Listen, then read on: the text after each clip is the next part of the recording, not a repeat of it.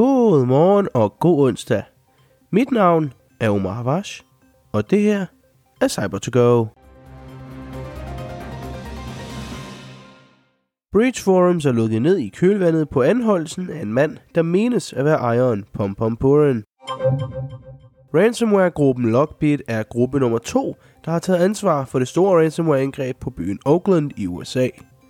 Angrebet har medført forstyrrelser siden medio februar. Snap Inc., ejerne af Snapchat, undrer sig over, hvorfor de er kommet med på listen over apps, der er Centret for Cybersikkerhed frarådes at installeres på ansattes arbejdstelefoner.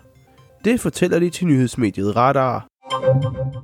Det er dine tre nyheder for dagen, og efter dem får du selvfølgelig også lige en hurtig vejrudsigt. Det går kun nedad for Breach Forums, der nu er lukket ned. Det bekræfter Baphomet, den eneste administrator, der er tilbage, efter en mand, der menes at være Pom Purin, nemlig ejeren af forrummet, blev anholdt i New York.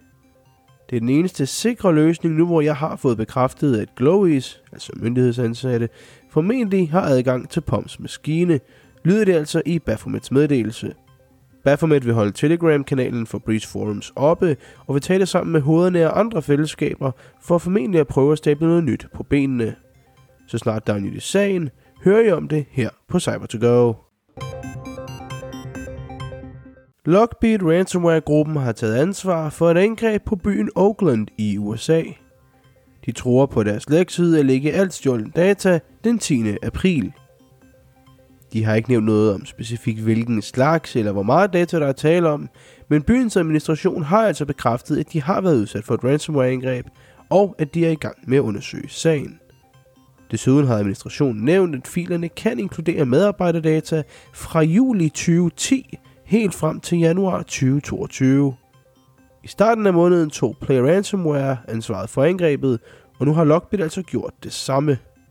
De relevante lovmyndigheder og FBI er naturligvis blevet informeret om sagen, og byen har altså lidt af problemer siden midt februar. Ejerne af Snapchat, Snap Inc., føler sig overrasket over at se sig selv kastet i samme båd som TikTok i Centret for Cybersikkerheds nye liste – Listen inkluderer apps, som CFCS fraråder statsansatte og politikere at bruge på deres arbejdstelefoner. Og nu har CFCS sat Snapchat på listen. Vi er overrasket over at se dette råd, fordi Snapchat er designet til at være anderledes end traditionelle sociale medieplatforme. Vi har bygget privatliv og sikkerhed ind i appen fra start og er frontløbere i dataminimering og kortlivede beskeder. Lyder det altså fra en talsperson fra Snap Inc. til det danske nyhedsmedie Radar. Snap Inc. har desuden sagt, at brugerdata opbevares på amerikanske og europæiske servere. Vejrudsigten i dag er rimelig kortfattet. For det meste af dagen vil du kunne opleve regn på tværs af landet, og skyet vil det være i nogle egne.